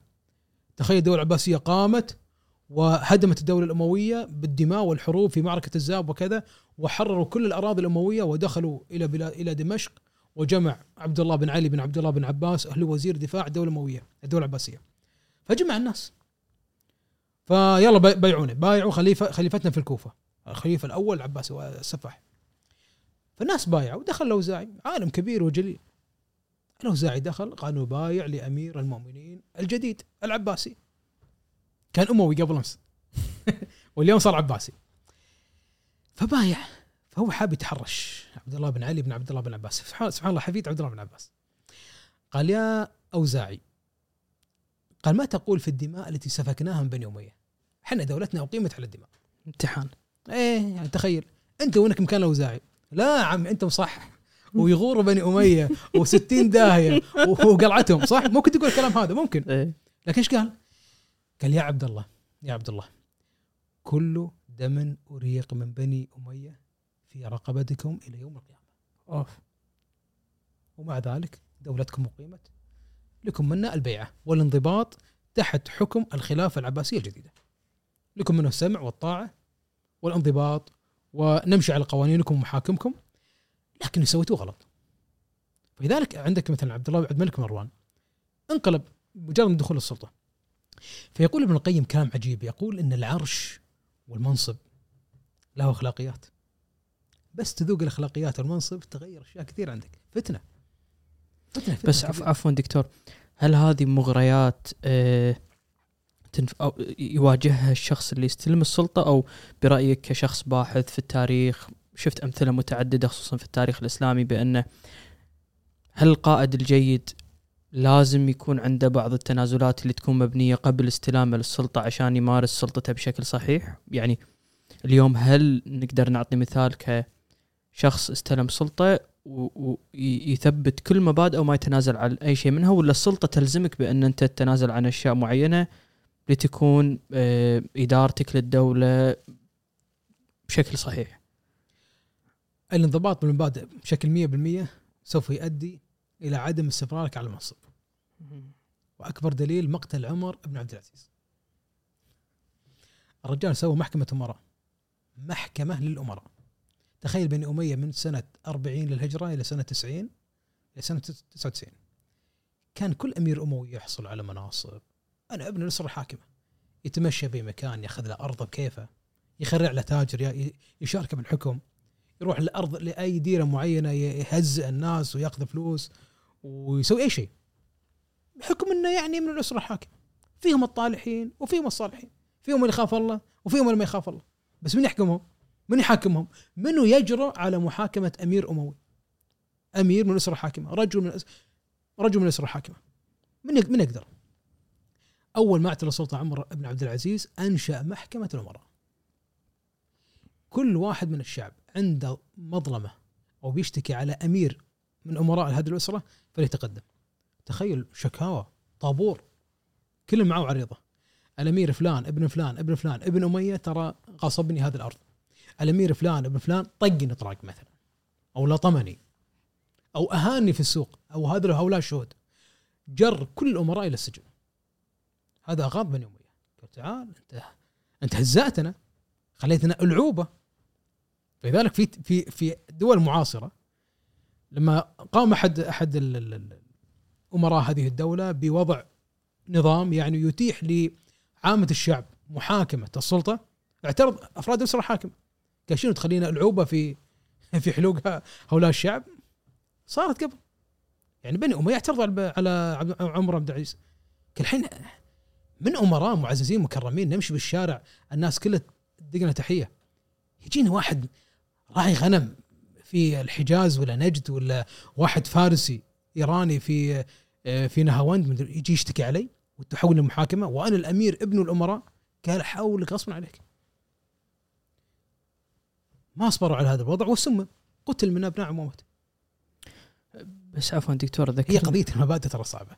أنا من التضحية. هذا اللي قاعد نتكلم عنه. هل ممكن يقاس على الفترة الزمنيه اللي كان في خلاف آه، بين آه، علي بن أبي طالب رضي الله عنه ومنو كان يطالبون بدم آه، دم قتلة عثمان؟ يعني إحنا سياق الحديث لما نسمعه بأن علي كان متمسك بمبادئ معينة وهم الطرف الآخر ما كان متمسك في هذه المبادئ فهذا ما جعل فرضا فترة خلافة علي بن أبي طالب قصيرة لأن كانوا يطلعون قميصه وينادون بالناس و يعني كأن لما نسمع سياق الحديث بأن هذه المجموعة كانت آه، يعني تقوم بحركات معينة وعلي بن طالب لا متمسك بمبدأ فهذا ممكن هل نقدر نقول هني أدى إلى الآن الآن يعني قاعد أقول لك حتى لما جاء ميكافيلي والف كتاب ال Prince الأمير تكلم عن قضية البراغماتية في الحكم.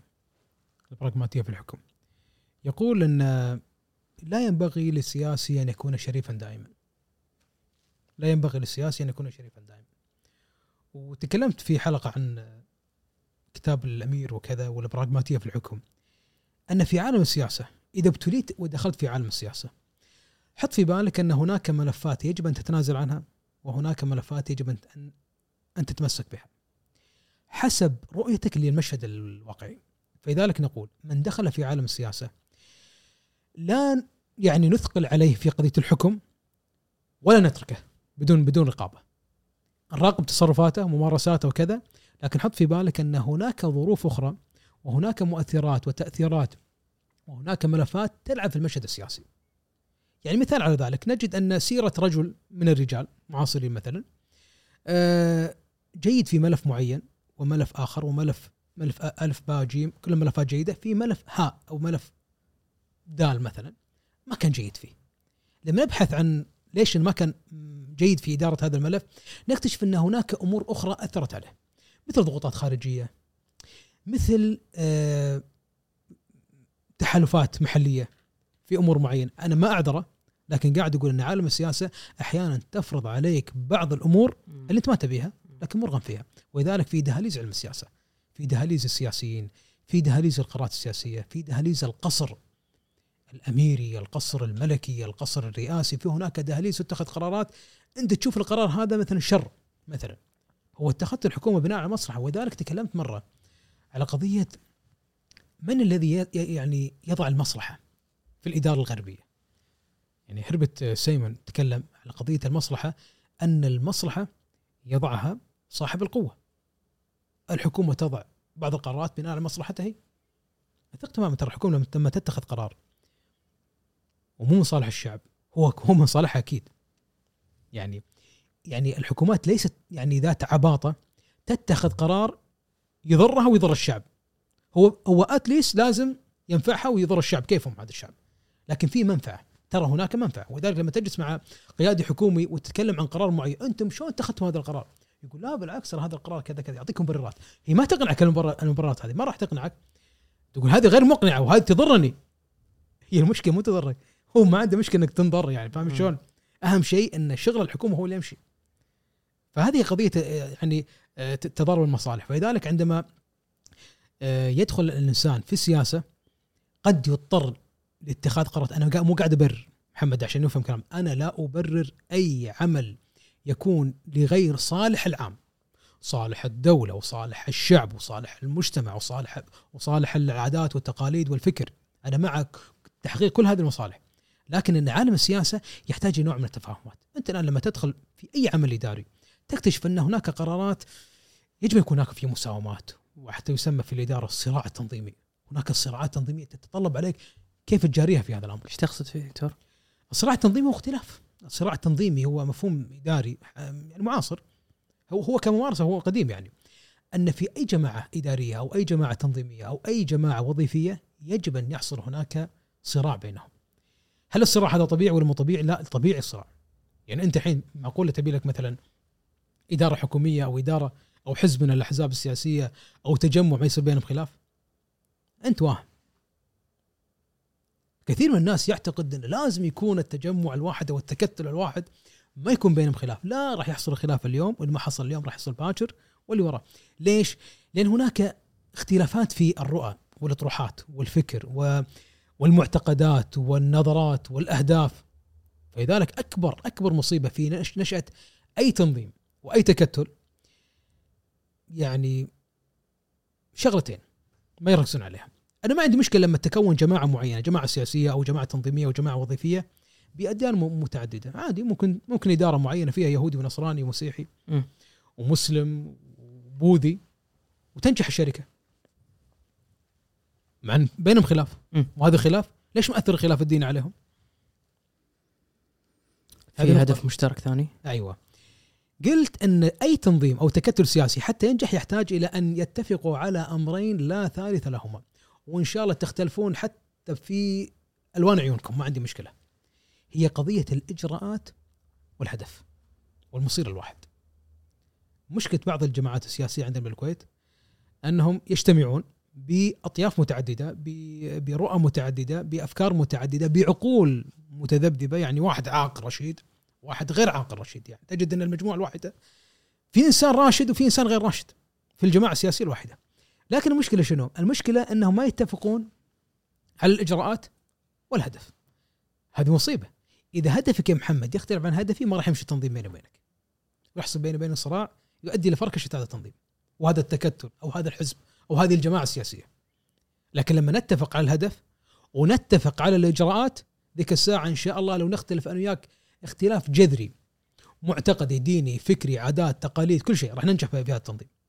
لكن مشكلة بعض الجماعات السياسية وبعض الجماعات والتكتلات إن ان إن ما درست علم التنظيم دراسة علمية أكاديمية. إنه يجب أن يكون هناك إجراءات موحدة وهدف موحد. ومع ذلك عادي فليختلف فليختلف الكثير. واحد يقول أنا مثلا ما أشتهي فلان. سالفة ما تشتهيه ما تواطنه ما تحبه والله مو طبعي والله مو فكري والله كذا شاك فيه عنده شبيحة بتويتر. إجراءات وهدف. غير هؤلاء غير الشغلتين هذه ما راح ما راح ينجح التنظيم هذا.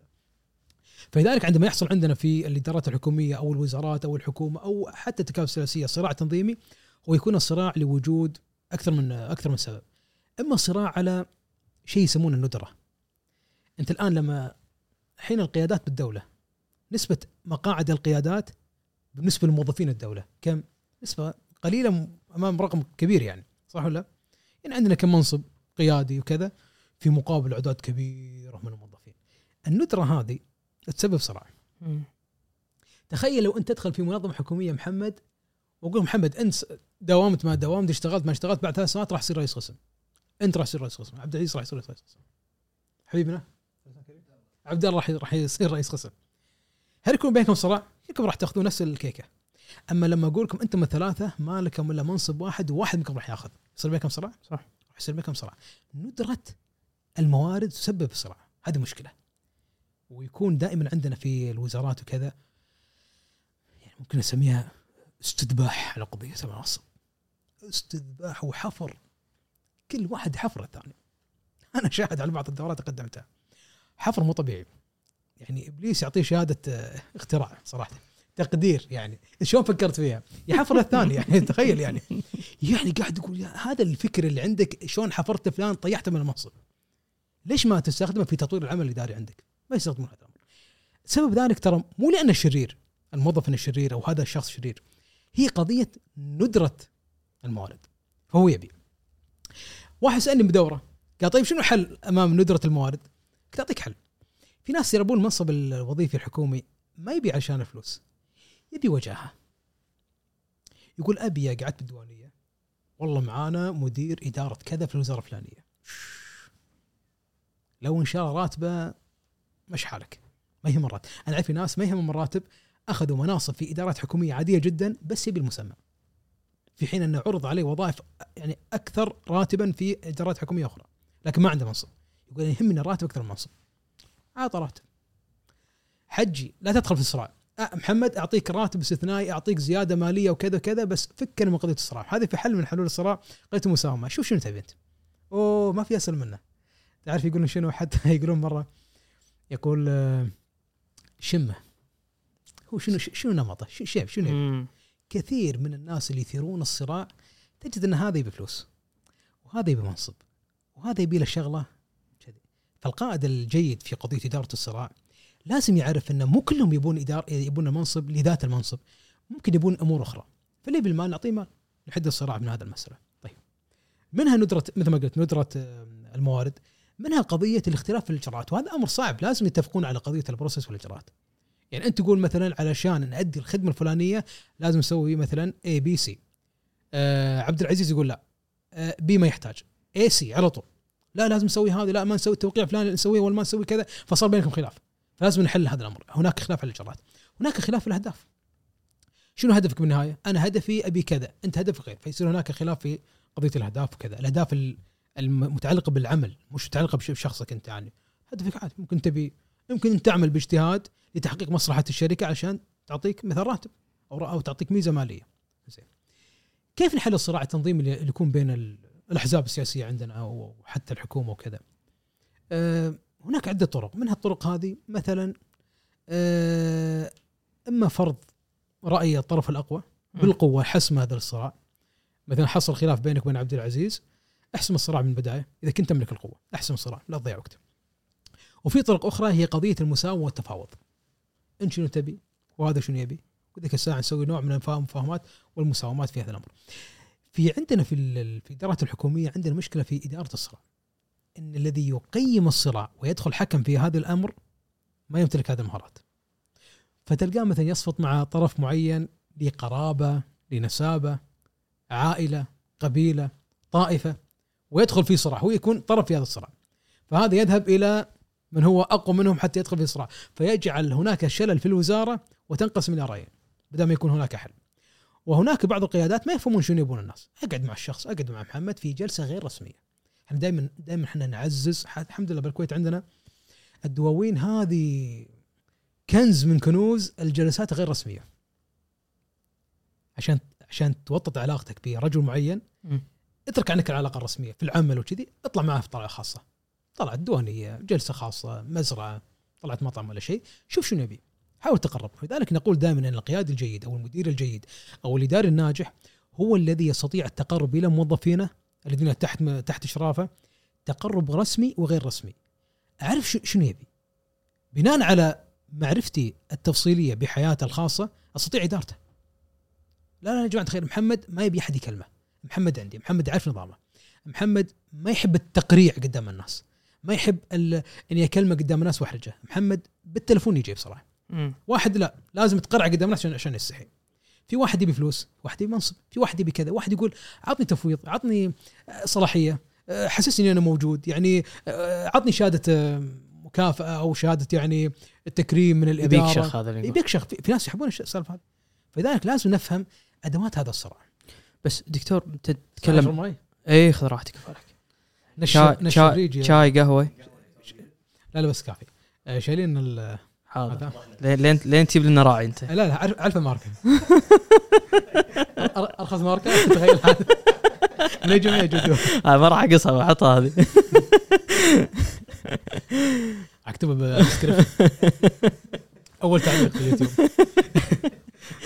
أنا بسألك عن عن عن التنظيمات دكتور. يعني برد لبداية سياق حديثنا وبربطه بال بال بالشكل. خلينا نتكلم على الأقل بالكويت ها؟ نعم. يعني أنت في أغلب حديثك لما تيجي تتكلم عن تنظيم القبيلة فرضا خلينا ناخذها كمثال ها؟ تكلم انه كان هناك فرضا مصلحة معينة آه، أمير القبيلة أو شيخ القبيلة في في الناس ينصاعوا له أو أفراد القبيلة تنصاع له لأنه عنده مهام معينة هو مفروض عليه إنه يلبي لك إياها بالمقابل أنت تحت أمرته. صحيح. اليوم مع آه، مدنية مع المدنية وبروز نعم. الدولة هذا الغرض ما عاد موجود ولكن نشوف التنظيمات القبلية الطائفية ما زالت موجودة نتكلم على الأقل على محيطنا إحنا في الكويت فرأيك ليش هالشيء هذا موجود؟ بالعكس شيء حلو أنت أول واحد بالدنيا يقول شيء حلو أنا مع القبلية ومع الطائفي زين. برر. مع العنصرية. برر إيه. أنا مع العنصرية برر إيه. هذه خوش هذه هذه نعم. هذه حق شو اسمه البرومو مالنا نعطاها أنا مع الطائفية والقبلية والعنصرية ومع كل شيء. لما تفهم البعد بعد المصطلح ما المقصود بكلمة عنصرية؟ العنصرية أتت ان أنني أنتمي لعنصر خير من عنصرك. القبلية أنني أنتمي لقبيله معينة. أنا رجل قبلي. ما المقصود بكلمة قبلي؟ تسكت بينك ونفسك قبلي يعني قبلية معنى أن الرجل هذا ينتمي للقبيلة. ينتمي للقبيلة. يعني طالب مع الفقع أنا؟ أكيد راجع. لي جذور معينة. الطائفية. أنت رجل طائفي مقصود بكلمة طائفي؟ أنك رجل تنتمي لطائفة. أكيد أنا طائفي. أكيد أنا أناصر طائفتي. أكيد أنا أناصر قبيلتي. شيء طبيعي. أناصر عائلتي. أناصر آه، أخوي. أناصر دائرتي الحكومية. شيء طبيعي. هذا الأمر طبيعي جدا جدا جدا إذا كان في هذا النطاق. إذا كان في هذا النطاق. لكن متى تكون القبلية والطائفية والعائلية والفئوية والطبقية مقيتة؟ إذا أدى ذلك إلى ظلم الناس. بمعنى أنا مدير إدارة. تقدم واحد من قبيلتي وواحد من غير قبيلتي. الغير قبيلتي رجل متميز ولديه كفاءات. قدمت هذا لأن ولد عمي. يعتبر أمر جيد؟ لا غير جيد. لكن قدم تقدم اثنين، واحد من قبيلتي كفاءة ولديه كفاءة وكذا وكذا، والثاني أدنى منه، قبلته عند الناس آه هذا رجل قبلي. مفهوم الناس عند القبلية وكذا مو مو مو هذا المفهوم يعني. لما لو متساويين خلاص. إذا متساويين بالكفاءة. آه قلت لك في بداية اللقاء. قلت أنا أعطيك أغشك مرات أعطيك يعني نوع من الارتياح. جاك واحد من طائفتك أو من قبيلتك أو من مذهبك أو من آه، حزبك تقدم لجهة معينة وأنت تملك قرار تعيينه وهناك بعد ناس مساوين له الكفاءه. أنا قاعد أقول حتى في الدورات الاداريه أقول ماشي إذا أنت يعني تساوت الرؤوس إلى درجة خلاص ما بقى إلا يا ألف يا باء يعني ودك تحذف القلم عشان يطيح على اسم واحد منها أو يسوي قرعة. أقول ماشي ما في مشكلة حتى وتقبله. يعني أنت وقبلته ما أقول أنت قبلته بناء على أنه يصير لطائفتك أو يصير لعائلتك. فأنا رجل ترى عنده كفاءة. ما أقدر أحتج عليك. والله عنده كفاءة وكذا. خلاص وصلنا إلى مرحلة نهائية. يا هذا يا هذا. ولكن التفضيل بالأخير يا بسبب قربه قبليا أو طائفتي في طائفيا في علم الإدارة. من طرق اختيار الموظفين في حال تساويهم في كثير من المهارات الاختيار الشخصي للإدارة العليا. تستطيع أن تتخذ هذا القرار دون الرجوع لآليات معينة. بس هذا يندر. يندر يندر يندر يندر يندر في بعض ال- الجهات معينه حتى يقول لك يستخدم المدير الحدس. شكله عجبني ممكن. يعني لو لو لو فضلت يعني بين بين أحمد وخالد وكلهم متساويين في المنصب متساويين في المؤهلات العلمية والخبرة وكذا وكذا وكذا كذا. وصلت مرحله خلاص يعني يا أحمد يا خالد. كلهم كلهم صح. بس اختار واحد منهم. تقدر تختار بناء على الحدس. ارتياحك النفسي. أنت المدير لأنك أنت إذا اخترت خالد أحمد ما راح يشتكي عليك. يقول اختاره. طيب خالد نفسك بعد. جيد وفي كرسي واحد. يعني كرسي واحد تقبل منه. تقبل من اثنيناتهم ما يصير. إلا استحدث كرسي ثاني. فلذلك قضية القبلية والطائفية وكذا هي استخدمت استخدام سلبي وإيجابي. الايجابي إذا كان الإنسان يعتز بعنصره ويعتز بطائفته ويعتز بقبيلته ويعتز بكذا ويعطيهم نوع من الاهتمامات المترتبة عليه. مثلا نصرة الطائفة نصرة القبيلة بالحق ما في مشكلة. يعني أنصر الانسان ك- كائن من كان وأنصر قبيلتي أنصر طائفتي أنصر عائلتي. يعني لما يأتيك حتى خليكم واقعيين لما أخوك يقع في ضرر هل نفس الضرر لما يقع فيه واحد بعيد؟ راح تتحرك وتحرك وسطاتك لأنه أخوك ابن العائلة مش قضية إني أنا لا آه، هذا غير وهذا غير لا لا هي قضية فيها بعد غريزي فطري شيء طبيعي يعني وطني. والله إنسان فلان وطني شيء طبيعي الإنسان يكون وطني وقبلي وطائفي وكذا هذه أمور طبيعية. لكن قلت لك تصير هذه الأمور غير جيدة عندما تستخدم لظلم الناس. وأخذ الحقوق من الناس. حتى الوطنية حتى الوطنية. مرات الوطنية تكون صنم يعبد. الوطنية والوطنية. الوطنية طال عمرك لازم ما تكون بغمط الدول الأخرى. وتدعي أنك أنت أفضل منه لأنك أنت من الدولة الفلانية وهو من الدولة الفلانية. الله أكبر. لا أقبل أقبل هذا لأنه ابن البلد. طيب مو هذاك اللي مو ابن البلد؟ رجل عنده كفاءات عالية. مو ابن البلد مقصر. ما عنده الكفاءات هذه. لا يقدم ابن البلد. هذه هذه في إشكالية. واحد يقول لا طيب أنت وينك من التوطين؟ ما عندي مشكلة. أهل ابن البلد ودربه مع الأيام وخله يتأهل في مؤهلات معينة حتى يقبل في قبل أيام ما عندي مشكلة. دربه مرة مرتين حتى حتى خلاص نكتفي بابن البلد عن غير البلد. فلذلك هذه المسميات كلها يا محمد لازم تستخدم بإطارها. تخرج برا الإطار فعلا تنقلب إلى يعني مصطلحات شريرة ومصطلحات غير جيدة. انت عندك كم مصطلح مال الطفل السياسي؟ الطفل السياسي. ذكرت في اليوتيوب هذه قبل تقريبا يمكن سنة تقريبا. الطفل السياسي يعني فكرة أتت في بالي يعني. يعني قلت أن هناك من الناس آه، يمارس السياسة والإدارة الحكومية بنوع من الطفولة بنوع من السذاجة. في أحد الأشخاص يعني آه، اتخذ قرار وأنا قعدت معه يعني اتخذ قرار تعسفي مع مجموعة من الموظفات نقلهم من منطقة من الكو- بالكويت إلى منطقة بعيدة ثانية. بس المايك دكتور. نعم. خلي خليك قربت كذا. كذا؟ بس ممتاز. ممتاز عندناك اليوم معلش. إي نعم. أنت خايف من المايك؟ أنا راح اكله بعد شوي خاف اني. أحرك نفسي أدخل داخل. آه، هذا الرجل أنا قعدت معه شخصيا قيادي مثلا إداري قام بهذا القرار. اعرفه شخصيا يعني. نقل تعسفي مجموعة من الموظفات. جيته ولا موظفات برا وناطرين مع كل واحدة مع كتاب واللي جايبه عضو واللي جايبه نائب شو الزحمة اللي عندك؟ قال والله يبون نقل شلون؟ قال والله أنا سويت إعادة نقل نقلت كذا وكذا قلت فهمني أكثر نقل ناس من الشمال إلى الجنوب ومن الجنوب إلى الشمال ومن الشرق إلى الغرب بدون ذكر المسميات الم... ال- المناطق نفسها م. طيب شو السر؟ قال يا أخي صار لي سنة ما حط طق الباب يعني تخيل يقول صار لي سنة ما حط طق الباب قلت منو اللي طق بابك؟ قال نواب من الأمة قال أبي نواب من الأمة أبي البنت المسكينة هذه تغربل وتحد أبوها وأخوها وزوجها يروحون إلى العضو مجلس الأمة ويترجون علشان يجيني ويترجاني ويسألني إعادة مو نقل إعادة المكان بس علشان عشان يكون له فضل عشان. يكون لي فضل وإني أنا رجال أستفيد من هذا الأمر. هذه شو أسميها في الإدارة؟ يعني سذاجة، طفولة، حماقة، آه، ممكن نسميها بين قوسين حقارة اداريه، تعسف في استخدام السلطة. قلت لك ساعه في ناس عندهم تعسف، هو صح يملك هذا الأمر. يقول مثلا لحاجة العمل في المنطقة الفلانية للوظيفة الفلانية الموظفه الفلانية إحنا نقلناه، طيب عطنا عطنا مبررات، ما عنده مبررات. يمارس هذه الطفولة. من الطفولة السياسية أن يدخل في مهاترات مع الإدارات الثانية أو الأشخاص الثانيين. في عندنا سياسيين فيهم طفولة، في عندنا إداريين فيهم طفولة، في عندنا حكوميين عندهم طفولة، وعندنا رؤساء أحزاب عندهم طفولة. في عندنا أقطاب سياسيه لديهم طفولة، طفولة سياسية. الزعل، ليش. ليش آه يقول شلون واحد قيادي يقول فلان ما أحبه. قلت يا رجل لا يأس الحب للنساء. لا يأس الحب للنساء. يا أخي تحبه ما تحبه اشتغل معاه. إيه صح آه معدوم هالمفهوم عندنا مو موجود لا لا. لا هي قضية أنا ما أحب أنا مواطن موضوع أنا الشخصانية. ي- ي- هذه تعتبر طفولة يعني. أنا ما أقول لك والله يعني يعتبر قصور في الفهم السياسي قصور الفهم الإداري. لا أنا اسميها طفولة سياسية.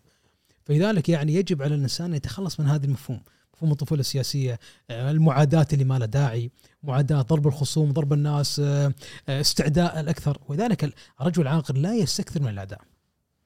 الرجل العاقل في السياسة والإدارة والحكم لا يستكثر من اعدائه يحاول امتلاك قلوب الناس كسب فذلك الرسول صلى الله عليه وسلم لما دخل فتح مكة دخل فتح مكة وفتحوا مكة وهم في في أوج الفتح الإسلامي لمكة أنت عارف إن قبل في الجاهلية كان في تنافس بين يثرب وبين مكة مم. بين الأوس والخزرج وبين قريش.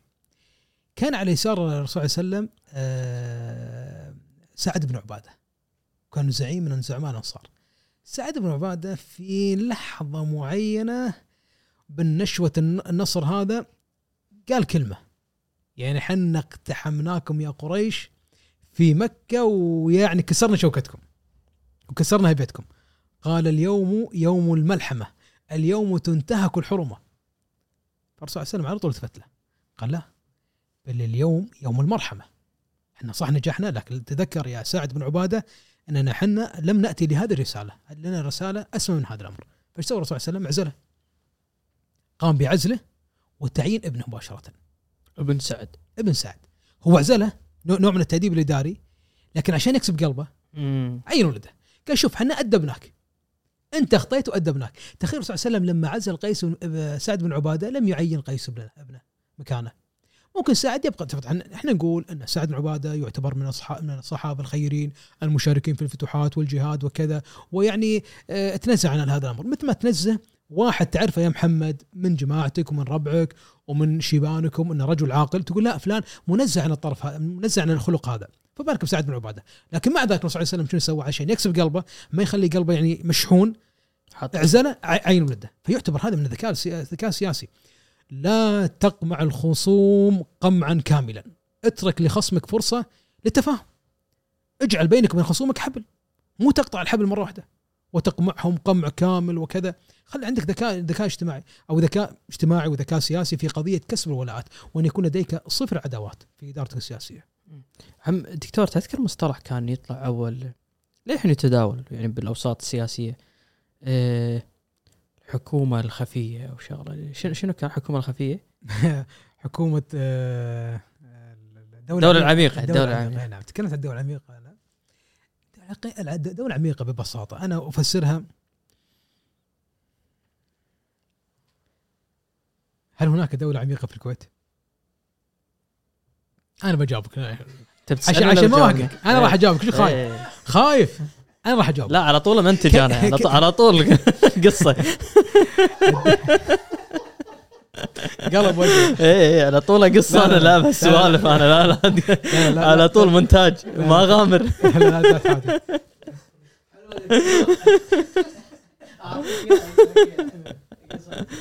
طيب. هل هناك دولة عميقة في الكويت؟ هذا تساؤل سئلت مرة. قلت أن من صفات الدولة العميقة أن رؤوس هذه الدولة ليست مرئية. أن رؤوس هذه الدولة استثماريه وهي دولة تعادي الدولة الظاهرة. دولة عميقة تعادي دولة ظاهرة. بمعنى النظام موجود الأشخاص الذين يملكون القرارات موجودين لكن هناك تأثيرات من العمق يؤثرون على هذه القرارات. ماشي؟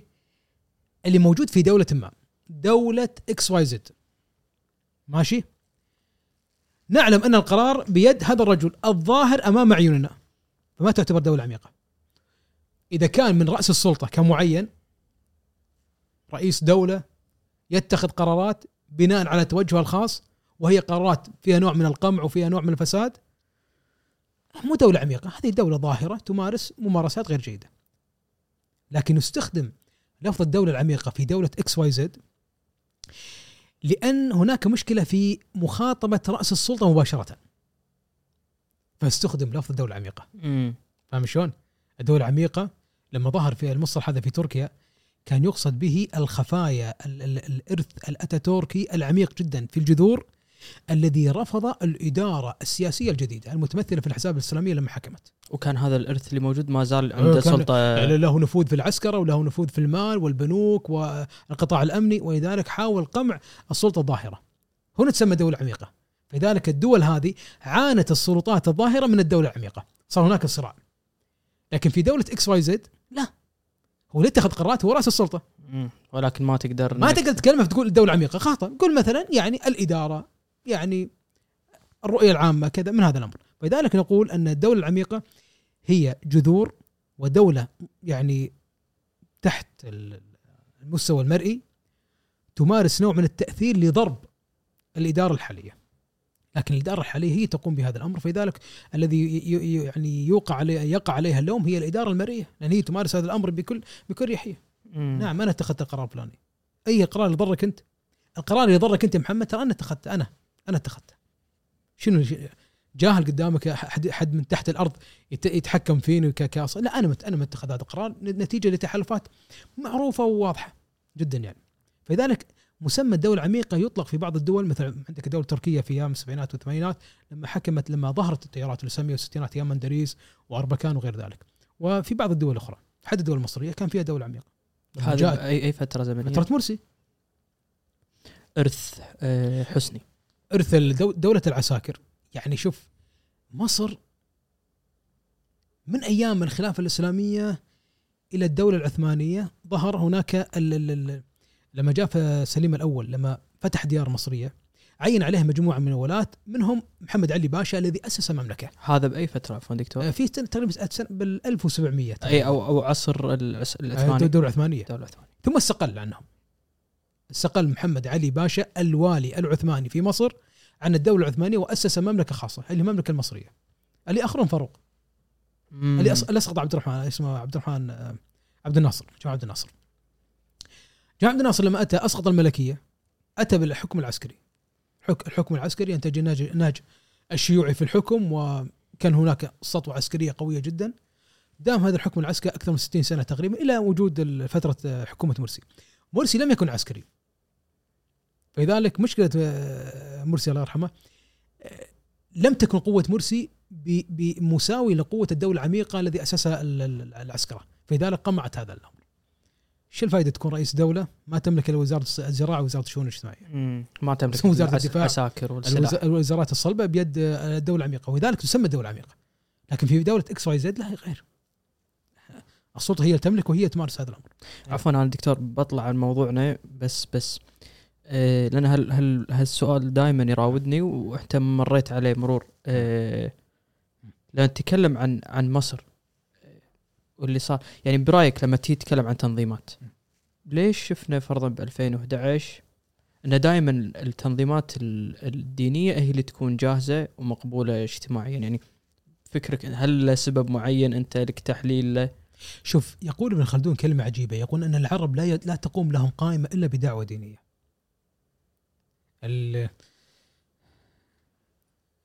القومية فشلت. برأيي الشخصي. كل الآراء الأخرى فشلت. ما زال ال- الدين محرك أساسي لتكوين الشعب العربي أو تكوين العقلية العربية. ولذلك يقول ابن خلدون أن أن العقلية العربية أو يعني العرب لا تقوم لهم قائمة إلا بدعوة دينية. مش دعوة شعوبية دعوة دينية. لم ينضبط العرب إلا بدعوة دينية. ولذلك هذا مصداق لكلمة سيدنا عمر الخطاب لما قال ان اننا أننا قوم أننا قوم لم يكن لنا عز إلا بهذا الإسلام أو بهذا الدين. فإن تركنا هذا الدين ذهب ذهب هذا العز أو كما قال عمر الخطاب. فأنا أقول سبحان الله أن كل من أتى بفكرة جامعة تجمع العرب على فكرة واحدة فشت هذه الأفكار إلا الفكرة الدينية. لأن الطبيعة العربية لم تنضبط إلا بظهور الدين. ولذلك الأحزاب الدينية تنجح نجاح باهر في تجميع القلوب والأفكار حولها. هو موضوع عاطفي يعني بالنسبة لك؟ مش عاطفي بدرجة قناعات. درجة قناعات كبيرة. يعني لما تجمع العرب المسيحي والعرب المسلم تحت مظلة القومية لم تثمر هذا الأمر عن شيء. لكن لما تجمع العرب المسلم مع الأوزبكي المسلم تنجح. لأن هناك أول شيء تجارب ناجحة عبر التاريخ. كنا دولة واحدة كنا تحت قيادة واحدة إدارية ولها نفس عند العرب. لا ينضبطون إلا بهذا الدين لكن الرومان الإغريق وكذا ينضبطون بدين وغيره. ينضبطون بالقوة بالسلطة بالشعبوية أو الإرث الشعبي. ولذلك تجد أن الشعوبية عالية جدا عند الأتراك عالية جدا عند الفرس عالية جدا عند الروس. حتى روسيا الان مع أوكرانيا تحركات بوتين ترى هو محاولة استرداد الإرث القيصري. م. عندهم الإرث القوي القيصري القيصري القوة السطوه كذا فكلهم مجموعون على الفكرة القيصرية. لو تمسك أي روسي يتكلم عن بوتين يقول لا إحنا مع بوتين. لا ليس لأن بوتين هو رئيس. لأن الفكرة التي ينادي بها بوتين وهو استرجاع الهيمنة الاتحاد السوفيتي والإمبراطورية القيصرية القديمة الروس تعتبر فكرة تستهوي العقل الروسي. فهذه عفوا هوية إثنية تكون؟ تعتبر تعتبر لا تعتبر هوية دائمة معهم. تعتبر دائما هوية دائمة مستقرة في نفوس هؤلاء مثل ما هي الهوية الدينية موجودة عند العرب. فاهم شلون؟ فلذلك أن الأحزاب الدينية في الأوساط العربية تنجح نجاح كبير لأن العقل العربي والعرب لا تقوم لهم قائمة إلا بالدين يعني صراحة يعني. وهذا محصور بالعرب تعتقد أو؟ أنا أتوقع أنه محصور بالعرب. بس أنا دكتور هذا موضوع موضوع يشدني يعني إنه يعني تيجي تتكلم عن الكويت ك ما ما ما ما كان في تنظيمات أو أحزاب لها عمر طويل مثل التنظيمات الدينية ولا ولا تي فرضا أي استفتاء شعبي ولا انتخابات وما تكون التنظيمات الدينية هي أفضل من يكون مستعد آه، لهذا الاستفتاء أو هذه الانتخابات. فدائما كان يراودني هذا التساؤل انه ليش يعني هل فرضا قيسها على الكويت هل أنت شايف انه تنظيميا هم الأفضل ولا يرجع موضوع عاطفي ولا وين تشوف الموضوع؟ آه التنظيم الديني تعتبر من أكثر التنظيمات تماسكا. ليش؟ لانها متعلقة بفكرة مقدسة. لغالب المنتظمين أو المنتسبين لهذا الجماعة. هذه الفكرة اللي سالفنا عنها إنه في هدف مشترك صح؟ هدف مشترك قوي جدا وفكرة مقدسة. بمعنى أنهم يؤمنون بفكرة مقدسة هي فكرة مثلا خلينا نتكلم عن التيارات الدينية الإسلامية فكرة الإسلام السياسي أن يحكم الإسلام بأن يطبق الشريعة وكذا وكذا بأن يكون الإسلام دور أو الإسلاميين لهم دور في قضية الحكم والسياسة والمشاركة في السلطة. فكرة مقدسة الإسلام وكذا ولما يتكلم حتى السياسي الاسلامي يتكلم قال الله قال الرسول والسياسة الشرعية ويأتي بحديث عن الرسول صلى الله عليه وسلم في سياسة شرعية وسياسة أبو بكر سياسة عمر وهذه الأمور تستهوي هذا الأمر ويكون هناك نوع من التقبل العام لهذه الأفكار. تجد أن التيارات الإسلامية تجمع كثيرا على بعض الأطروحات. تجمع كثيرا على أطروحاتها، تجمع على أفكارها، تجمع كأن نوع من تعطي قداسة لحتى الإجراءات. فهذه يعطي قوة تماسك. لكن في بعض التنظيمات الأخرى الغير دينية مثلا إن كان هناك التنظيمات أنا قصدي غير دينية أن كلما كانت الفكرة التي تلهم الأتباع قوية جدا وراسخة تجد حتى الاشتراكي والشيوعي يضحي بنفسه من أجل فكره. مثل ما يضحي المجاهد الإسلامي من أجل الجنة وكذا وقضية الإسلام ترى حتى الشيوعي يضحي من بدمه وماله من أجل الفكرة التي يؤمن بها. عدالة اجتماعية القضية قضية المعتقد، المعتقد الموجود هنا. هي الفكرة المقدسة الملهمة، كلما كانت قوية جدا ومرتبطة جدا أصبح هناك كثير من التضحيات من أجل أن تنجح هذه الفكرة. لكن التنظيمات التي تنشأ من أجل مصالح مصلحة مالية مصلحة ذاتية مصلحة شخصية بمجرد ما تفتر هذه المصلحة تطلع من التنظيم وتقول السلام عليكم. فلذلك في بعض التيارات خرج كثير من منتسبيها. ليش؟